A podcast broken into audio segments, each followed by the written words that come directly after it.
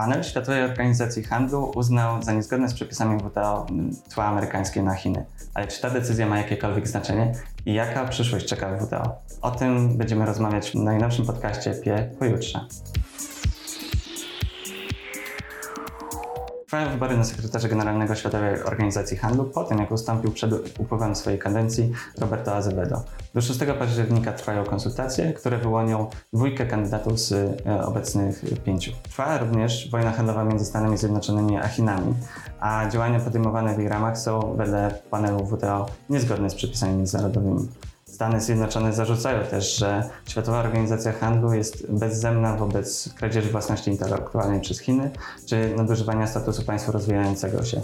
Ale jednocześnie same złamały przepisy międzynarodowe, wprowadzając jednostronne cła na Chiny. Doprowadziły też do paraliżu całej organizacji, a dokładnie jej mechanizmu rozstrzygania sporów poprzez niewyznaczanie kolejnych kandydatów na sędziów organu apelacyjnego nie przedstawiały też wizji e, reformy tego systemu. W związku z tym e, w tej chwili każda kolejna sprawa będzie natrafiała na impas. Rozstrzyganie sporów było jedynym mechanizmem faktycznie działającym w ramach Światowej Organizacji, Organizacji Handlu. Negocjacje w ramach Światowej Organizacji Handlu są w impasie od dawna. Nazywam się Marek Łęsiński, jestem kierownikiem zespołu handlu zagranicznego. Moim i Państwa gościem y, jest doktor habilitowana Magdalena Słok-Wódkowska z Wydziału Prawa i Administracji oraz z DELAB UW. Cześć. Cześć. Pierwsze pytanie brzmi, y, Jakie znaczenie y, według Ciebie ma w tej chwili Światowa Organizacja Handlu? Wydaje mi się, że Światowa Organizacja Handlu wciąż ma duże znaczenie, ale wydaje mi się, że ona ma też zupełnie inne znaczenie niż to, które jej się nadaje. Ja kiedyś widziałam taki świetny rysunek, ja wiem, że memów się nie opowiada, ale, ale spróbuję mimo wszystko, że Światowa Organizacja Handlu to jest tak naprawdę stolik, e, po którym wszyscy oczekują, że ten stolik zacznie naprawiać y, różne rzeczy. On nie jest w stanie sam nic naprawić, bo to jest po prostu stolik, przy którym siadają państwa i negocjują. Więc dopóki państwa nie mają ochoty posuwać spraw do przodu, czyli posuwać negocjacje handlowych do przodu w ramach e, tej liberalizacji wielostronnej handlu międzynarodowego, e, dopóty te negocjacje będą w impasie i, e, i będzie można dalej mówić o tym, że WTO jest w jakimś tam kryzysie.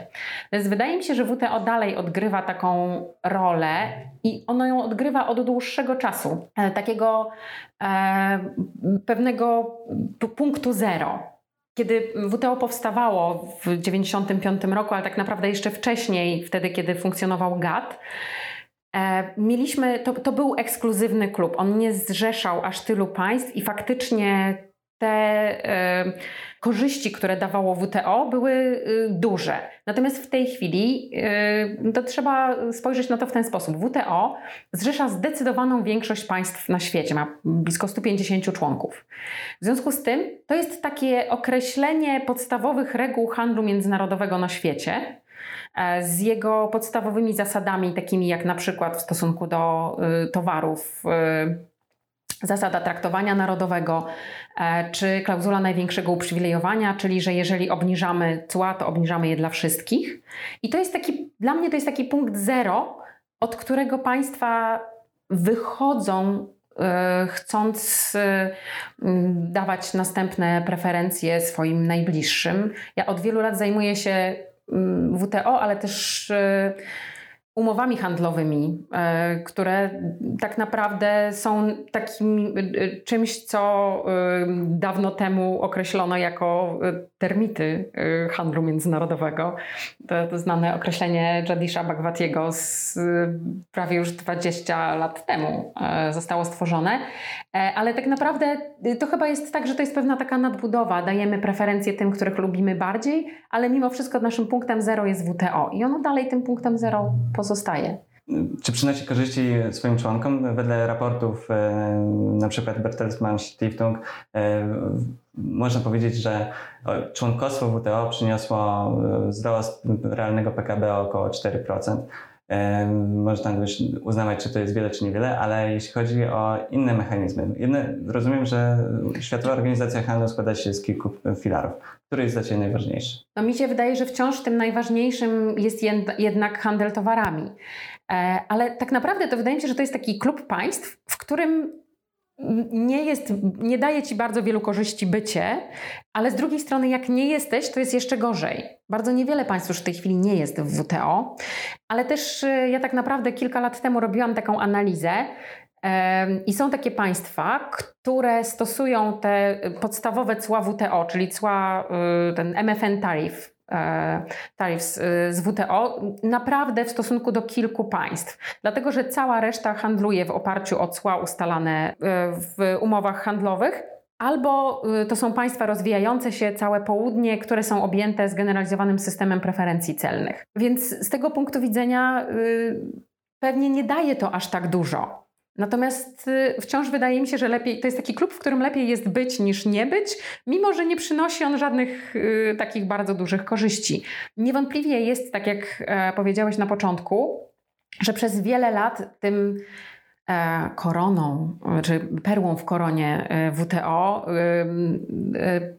był e, system rozstrzygania sporów. E, on był uważany za jeden z najbardziej e, skutecznych systemów rozstrzygania sporów międzynarodowych, bo mam wrażenie, że ludzie to często są przyzwyczajeni do takich sądów, które działają w państwach, gdzie one mają cały mechanizm no, zapewniania skuteczności takim orzeczeniom. Ale rozstrzyganie sporów międzynarodowych to jest taki świat, w którym często te y, orzeczenia są takie bezzębne. I system Światowej Organizacji Handlu był jedynym, który miał y, skuteczny mechanizm wymuszania realizacji orzeczeń czyli zawieszenie preferencji celnych. E, to, to działa cały czas w ten sposób. E, nie tak dawno było bardzo głośno o sprawie Boeinga i Airbusa i o tym, że on już doszedł do takiego etapu, w którym można nałożyć, i mówiło się o tym bardzo dużo, że ze względu na to, że Unia Europejska przegrała sprawę subsydiowania Airbusa, w związku z tym Stany Zjednoczone będą mogły na Unię Europejską nałożyć takie karne cła w wysokości tych subsydiów. Wszystko w ramach realizacji orzeczenia organu rozstrzygania sporów WTO. Mm, z tego co pamiętam, to e, ta kwota była 7,5 miliardów, e, to na, były, tak. na, na, które można było nałożyć e, cła. Mhm. I czyli to, to jest wyrok, który jest pozytywny z punktu widzenia Stanów Zjednoczonych. O, tam, to jest bardzo fajna sprawa, dlatego że tam się równolegle toczy druga sprawa, w której, y, która dotyczy subsydiowania Boeinga. Ale tam są kwoty mniejsze. E, ale na tę decyzję jeszcze czekamy. Tak. E, ale skąd problemy. Dlaczego Stany Zjednoczone ma, mają pretensje i to tak na dobrą sprawę nie jest kwestia tylko i wyłącznie administracji Donalda Trumpa, ponieważ te zarzuty pojawiały się, pojawiały się wcześniej. E, również wcześniej. One się pojawiały wcześniej, ale wcześniejsze administracje nie, nie przeszły do działania. Od, cały problem zaczął y, być palący w momencie, y, kiedy do władzy doszła administracja Trumpa, dlatego że oni od 2000 2016 roku przestali zgadzać się na nominowanie nowych e, członków w siedmioosobowym organie apelacyjnym WTO. E, I ten, ta kulminacja kryzysu nastąpiła w grudniu ubiegłego roku, kiedy to po prostu zostało dwóch członków e, organu apelacyjnego, a do tego, żeby skutecznie móc rozstrzygnąć spór, potrzebnych, potrzebnych jest trzech po prostu skończyły się kadencje wszystkim e, pozostałym członkom, więc e, po prostu e, Stany Zjednoczone storpedowały organ apelacyjny. Został tylko pierwszy etap mechanizmu rozstrzygania sporów, czyli panele. Ja muszę powiedzieć, że oczywiście Stany Zjednoczone formułują jakieś pretensje do organu apelacyjnego i mówią, co im się nie podoba, ale to tak naprawdę jest y, nie do końca jasne. Pojawiają się od czasu do czasu takie koncepcje, że być może w gruncie rzeczy chodzi o to, że oni nie mają ochoty realizować tych spraw, w których przegrali, ale z drugiej strony tych spraw wcale nie jest aż tak dużo. To, co przede wszystkim e, zarzucają, to jest to, że organ apelacyjny nie realizuje tego, na co zgodzono się w rundzie urugwajskiej e, w, na początku lat 90. Czyli na przykład e, przedłuża terminy, czyli na przykład zbyt tworzy linie orzecznicze, tworzy taki system precedensów, wskazuje panelom, że nie, nie biorą pod uwagę wcześniejszego orzecznictwa organu apelacyjnego w jakichś e, sprawach. Tego typu zarzuty się pojawiają. Ale rozumiem, że jeśli chodzi o system apelacyjny, to mm, Stany Zjednoczone, można powiedzieć też, pokusić się o taką interpretację. Organ apelacyjny Światowej Organizacji Handlu to była instytucja, która tak de facto dawała możliwość mm, wpływania na e, poprzednią decyzję panelu przede wszystkim państwom najmniejszym, e, być może też e, rozwijającym się, które nie miałyby możliwości tak na dobrą sprawę prowadzenia decyzji panelu inny, w inny sposób niż e, poprzez e, siłę organizacji międzynarodowych. Ja Ponieważ, myślę, że... E, tak de facto Stany Zjednoczone, tak jak co widzimy teraz, jednostronnie w tej chwili e, dokonują, można powiedzieć, e, przekształcenia e, stosunków międzynarodowych w handlu i wymuszają na innych państwach to, czego oczekują inne państwa. Ja to jak patrzę. Jak, można się pogodzić mhm. taką interpretację. I jak patrzę na y, to, co robią Stany Zjednoczone, to już jakiś czas temu przyszła mi do głowy mm, taka mm, nieco smutna metafora klasy, w której jest jeden osiłek, który wszystkim daje po nosie i zabiera im kanapki. I trochę Stany Zjednoczone tak się zaczęły zachowywać. I faktycznie w tym kontekście y, ten organ rozstrzygania sporów pełni taką funkcję y, nauczyciela, który jednak usadzi osiłka. E, na pewno tak. Znaczy, wydaje mi się, że żeby zrozumieć siłę i to, co daje obecny organ rozstrzygania sporów, trzeba cofnąć się do tego czasu przed powstaniem WTO, do czasów GATT. Dlatego, że wtedy ten system był. E, on również funkcjonował, tylko on był jednoinstancyjny, ograniczał się tylko i wyłącznie do paneli i to, co było Mm, to, co tak naprawdę ograniczało bardzo jego skuteczność, to było to, że żeby można było mm, realizować orzeczenie panelu, ten, to orzeczenie musiało być przyjęte przez państwa strony ówczesne. W tej chwili jest tak, że dalej jest ten mechanizm przyjmowania, ale jest negatywny. Znaczy on, ono musi zostać odrzucone przez państwa strony, żeby nie zostało przyjęte. Oraz jest ten mechanizm weryfikacji przez drugą instancję, czyli przez organ apelacyjny. I to zbliża, cały czas jest tak, że organ, organ rozstrzygania sporów y, WTO, znaczy w ogóle organ rozstrzygania sporów to, jest, to są państwa członkowskie funkcjonujące jako organ rozstrzygania sporów. E, natomiast ten system rozstrzygania sporów WTO to jest taki mechanizm, który gdzieś jest pomiędzy arbitrażem a stałym sądem międzynarodowym. Mamy pierwszy etap, czyli panel, który jest bardziej arbitrażowy, ale on też nie funkcjonuje tak do końca jak arbitraż, bo jest lista um, panelistów um, i są pewne ramy takie um, proceduralne, w których oni się poruszają. I jest drugi etap, właśnie, znaczy był drugi etap, chyba możemy powiedzieć, czyli organ apelacyjny, który był bliższy sądowi międzynarodowemu. To było siedem osób, które stałych y, sędziów, można powiedzieć, y, którzy y, no, weryfikowali te orzeczenia paneli, raporty paneli. A, wspomniałeś o osiłku. I teraz w zasadzie chciałbym Cię zapytać, czy widzisz drugiego osiłka na scenie międzynarodowej, tak jak w zasadzie postrzegają tę scenę Stany Zjednoczone. Stany Zjednoczone raczej mówią o tym, że kto inny jest tym osiłkiem i łamie przepisy Światowej Organizacji Handlu. O, ja myślę, że to nie jest, w przypadku Chin to nie jest takie proste, e, dlatego że e, w przypadku Chin pojawia się bardzo wiele e, różnych problemów. To znaczy, po pierwsze, tam jest problem e, definicji e, non-market economy, czyli tej ekonomii, znaczy gospodarki nierynkowej, e, która działa w specyficzny sposób. Pojawia się problem tego, czy Chiny są państwem rozwiniętym czy rozwijającym się i jak, w jaki sposób one powinny być traktowane. Chiny na pewno w tym sensie nie są takim osiłkiem jak Stany Zjednoczone, że Chiny nigdzie nie, e, nie ignorują w taki ostentacyjny sposób e, reguł e, wyznaczanych przez WTO. One raczej wykorzystują słabości tego systemu i takie mm, nie do końca zdefiniowane właśnie te przejścia pomiędzy państwami rozwiniętymi i rozwijającymi się.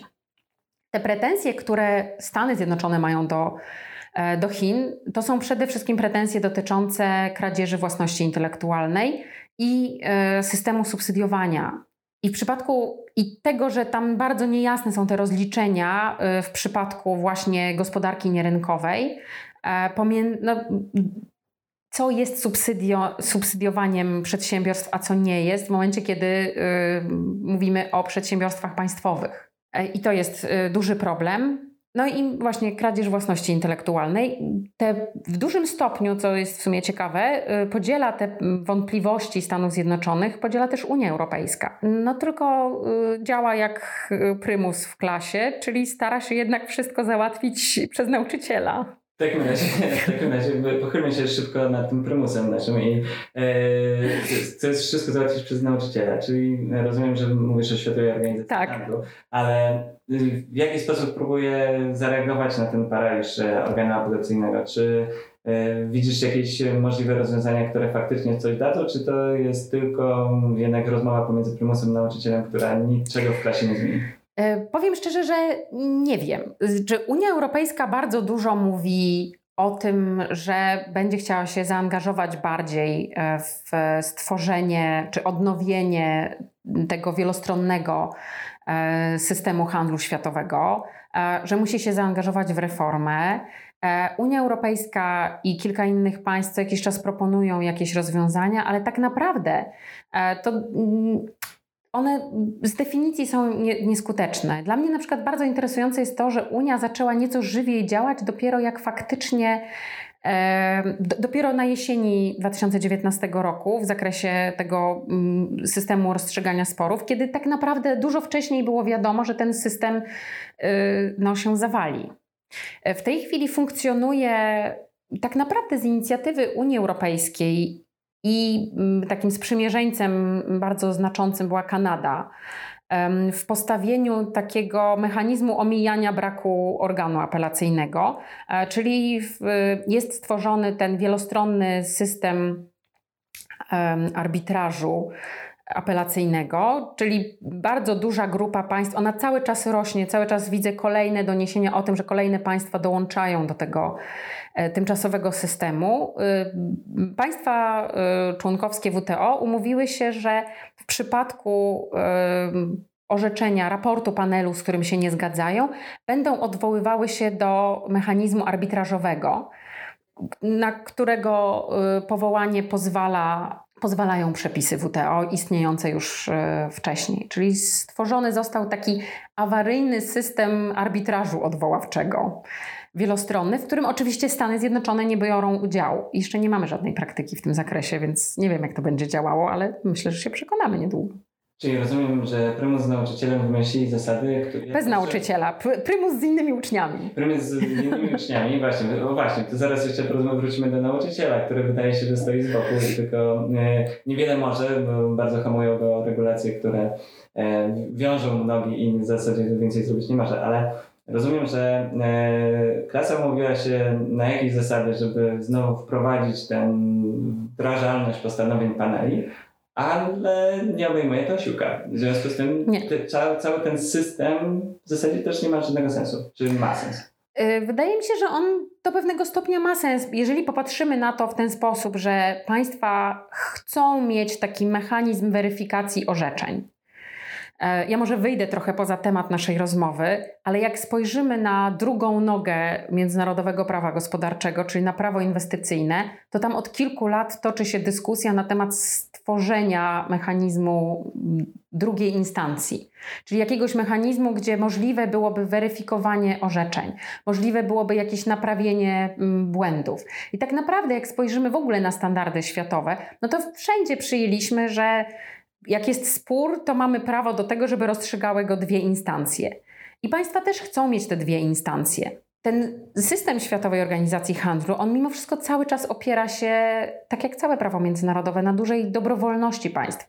Państwa minus osiłek, być może, y, chcą mieć mechanizm weryfikowania sporów e, i mechanizm, który pomoże im później znaleźć ten wspólne, to wspólne rozwiązanie. W ogóle, jak popatrzymy nawet na, y, na wstępne założenie systemu rozstrzygania sporów WTO, to tam jest takie dążenie do tego i jest taka możliwość na każdym etapie, że państwa osiągną y, to dwustronnie satysfakcjonujące rozwiązanie. I to, co ma robić WTO, to pomagać im w tym. A czy Chiny dołączyły do tego systemu? Czy przytuliły się do Prymusa? Czy... Nie wiem. W takim razie będziemy musieli to zweryfikować. Będę musiała sprawdzić. W takim razie przejdźmy, e, przejdźmy dalej. I, I, czyli wiążesz, generalnie rzecz biorąc, ta, ta sprawa, w jak dużym stopniu wiąże się z trwającą wojną handlową pomiędzy Stanami Zjednoczonymi a Chinami? Ta sprawa, w której ostatnio mieliśmy raport panelu. W ogóle paraliż systemu e, arbitrażowego, e, czy systemu rozstrzygania sporów w Światowej Organizacji Handlu, ale pytam już rzeczywiście w związku z tym, że właśnie e, zapadła ta decyzja panelu o tym, że te cła amerykańskie wedle przepisów Światowej Organizacji Handlu nie powinny mieć miejsca. Ja myślę, że to nie jest tak, że sparaliżowanie mm, organu apelacyjnego wiąże się z wojną handlową z Chinami. Ono wiąże się pośrednio. To znaczy, mam wrażenie, że od, w ogóle od kilku lat mówi się już zupełnie głośno o kryzysie multilateralizmu e, w handlu międzynarodowym, ale też w ogóle w stosunkach międzynarodowych. To jest jedna sprawa. A druga sprawa widać wyraźnie taką tendencję państw e, do wzrostu protekcjonizmu. Przez bardzo długi okres mieliśmy cały czas wyraźną tendencję do coraz większej liberalizacji handlu międzynarodowego, a w tej chwili widać to Wydaje mi się, że nie tylko po Stanach Zjednoczonych, ale też i Unia Europejska i wiele innych państw, wydaje mi się, że ma taką tendencję do odchodzenia od y, liberalizacji, e, do troszeczkę większego protekcjonizmu, dbania bardzo o interesy narodowe. E, I wydaje mi się, że to jest bardziej z tym związane niż, yy, znaczy, że oba te procesy są z tym związane niż związane ze sobą bezpośrednio. Teraz jeszcze bym podywagował jeszcze chwilę nad tym, o co może chodzić w Stanach Zjednoczonych, ponieważ wedle wypowiedzi przedstawiciela Stanów Zjednoczonych do spraw handlu, czyli Roberta Lightfizera, w jego wypowiedziach można przede wszystkim usłyszeć kwestię ceny. Cła, cła, cła. E, czy rzeczywiście może to jest ta kwestia? Możliwość przez Stany Zjednoczone nakładania ceł takich, e, jakie chcą, ponieważ e, panele decydowały o tym, że często te cła nakładane przez Stany Zjednoczone antydumpingowe, antysubsydyjne albo też na podstawie innych przepisów amerykańskich są niezgodne z przepisami międzynarodowymi. W związku z tym może to właśnie kwestia ceł jest najważniejsza i rzeczywiście niekoniecznie tylko i wyłącznie Chiny. Chiny są najważniejszym aktorem, w którego te y, różnego rodzaju mechanizmy celne są wymierzone przez Stany Zjednoczone. Ale czy zgodziłabyś się w tym z taką próbą interpretacji, o co chodzi Stanom Zjednoczonym? Mm, na pewno y, dla nich to jest bardzo ważne. Jak posłuchamy, co mówi Leitzinger, ale też mm, co mówi Trump, y, to bardzo dużo tam jest wątków takich, że chcielibyśmy. Bardzo, bardzo dużo jest mówienia o deficycie handlowym.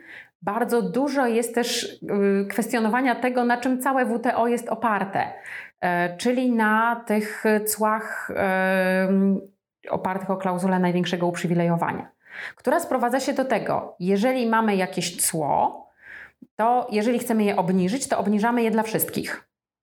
E, bardzo niedawno pojawiły się, e, pojawiły się doniesienia o umowie pomiędzy pierwszej umowie e, dotyczącej handlu międzynarodowego pomiędzy Unią i Stanami. I tam właśnie była mowa o obniżeniu ceł na niektóre towary. Ale uwaga, ponieważ y, oczywiście drugą stroną był nasz y, klasowy prymus, więc y, to były, to, to były cła obniżone absolutnie w zgodzie z WTO, czyli tak naprawdę Stany Zjednoczone umówiły się z Unią Europejską, że obniżą cła dla wszystkich. Podczas gdy Stany Zjednoczone chciałyby, żeby to było robione tak, jak było robione mniej więcej 100 lat temu.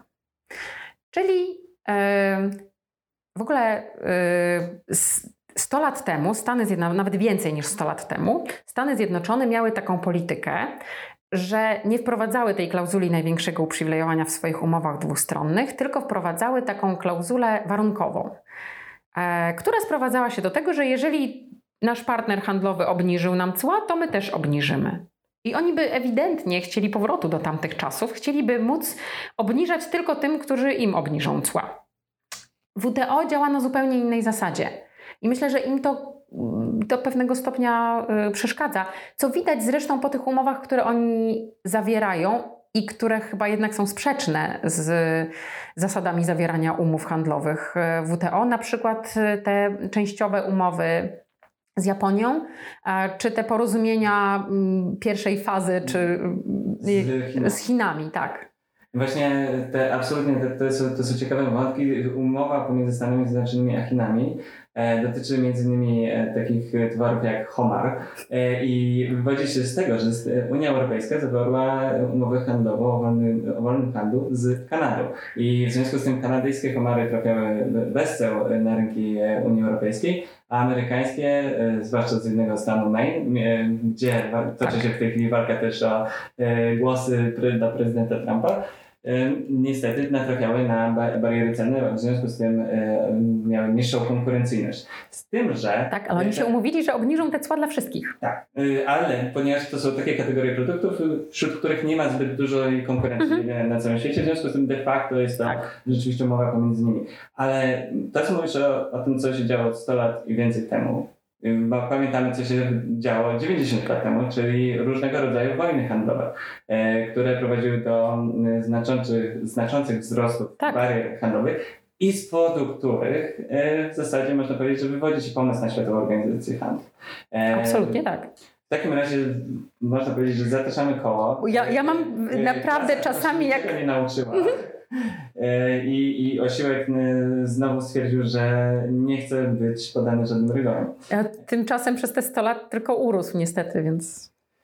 E, ale rozumiem, że pojawiają się konkurenci. W takim razie za szybko zastanówmy się, ponieważ rozmawiamy w podcaście pojutrze. Jakie są perspektywy dla Światowej Organizacji Handlu? Czy możemy stwierdzić, czy Stany Zjednoczone są ukontentowane tym, co jest w tej chwili, czyli bezzębny organ operacyjny, e, mogą podejmować jednostronne działania handlowe wobec różnych partnerów i one generalnie nie będą chciały dążyć do reformy Światowej Organizacji Handlu, czy też e, może prymus w klasie wraz z innymi e, uczniami będzie w stanie doprowadzić do jakiejś reformy i uratować tę organizację, żeby negocjacje międzynarodowe posuwały się do przodu, bądź też, żeby przywrócić też tę perłę w koronie w postaci działającego mechanizmu rozstrzygania sporów? No ja myślę, że niestety bardzo dużo zależy od tego, w którą stronę pójdą Stany Zjednoczone, czyli de facto kto wygra wybory w listopadzie. Ale myślę, że, te, do, że powrotu do takich negocjacji, jak miały miejsce w latach 90, do lat 90., chyba jednak nie ma. Mam wrażenie, to jak wolno posuwają się negocjacje w ramach e, WTO, tych obszarach zdawałoby się niekontrowersyjnych, w których się toczą, pokazuje, że jednak te różnice one są ogromne pomiędzy państwami członkowskimi. Im więcej jest państw członkowskich WTO, tym te różnice są większe.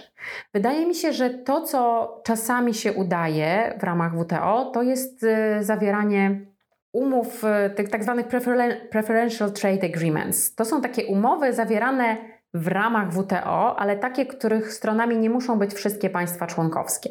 W ostatnim czasie na przykład udało się w tej formule zreformować jedno z takich flagowych Preferential Trade Agreements, czyli e, umowę dotyczącą zamówień rządowych, no czyli po prostu zamówień publicznych. E, tam e, i rośnie nieznacznie, ale jednak trochę wzrosła liczba państw stron tej umowy.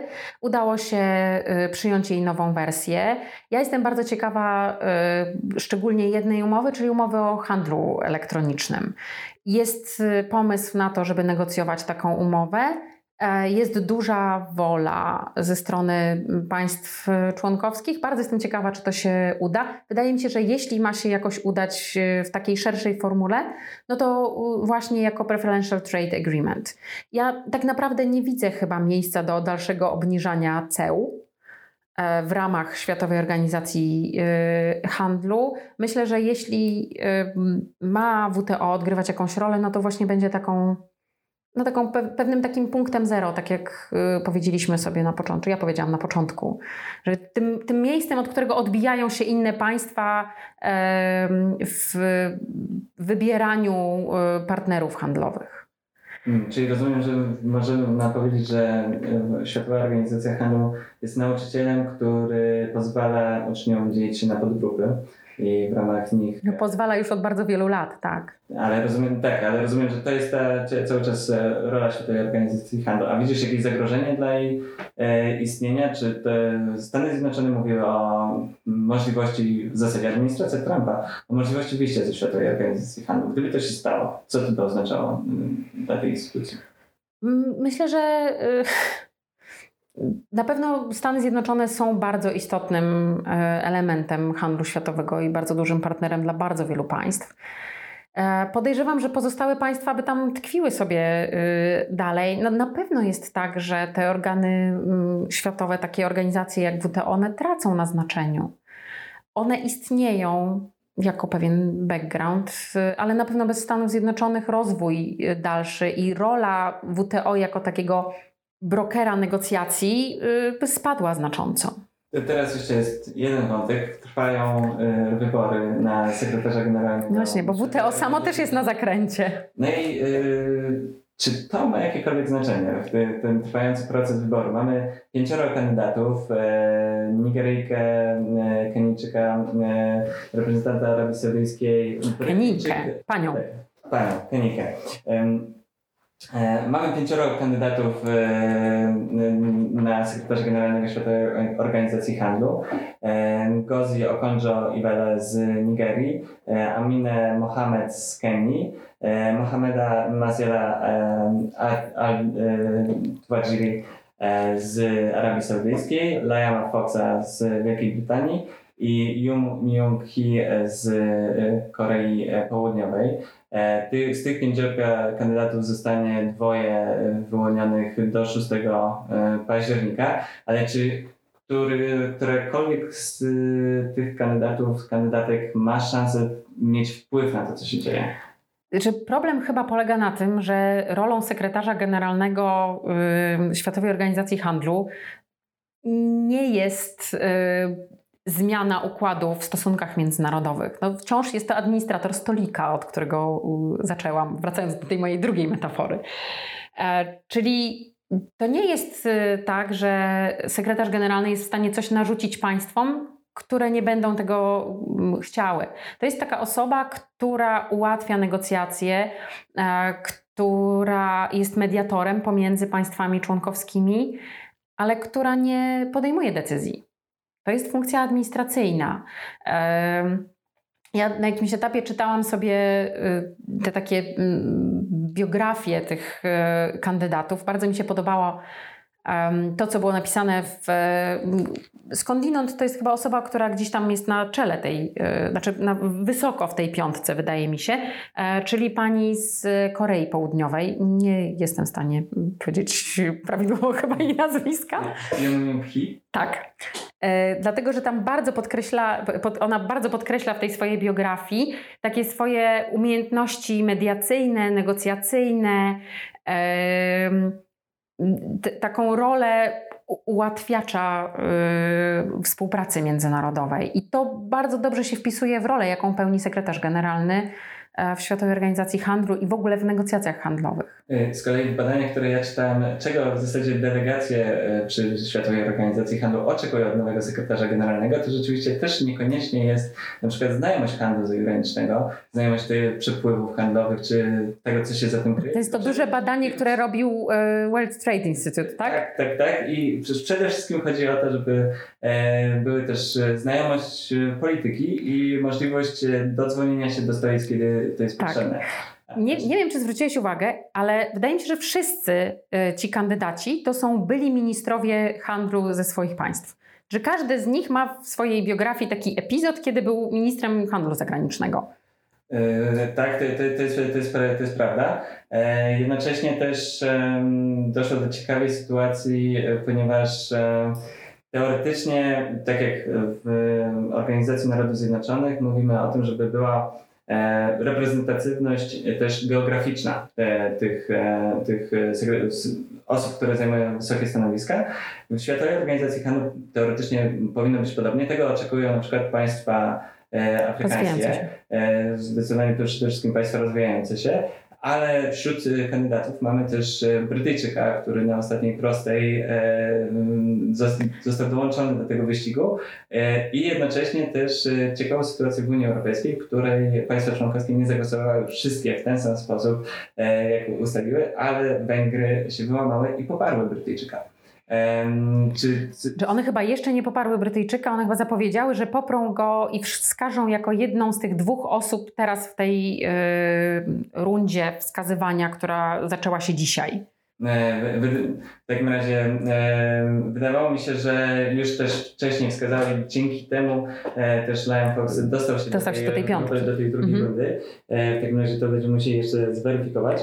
E, ale czy uważasz, że to ma jakieś znaczenie, że Unia Europejska tutaj nie, nie mówi jednym głosem na forum międzynarodowym? Czy wydaje mi się, że to ma znaczenie bardziej dla Unii Europejskiej niż dla y, tego procesu wyboru y, kandydata.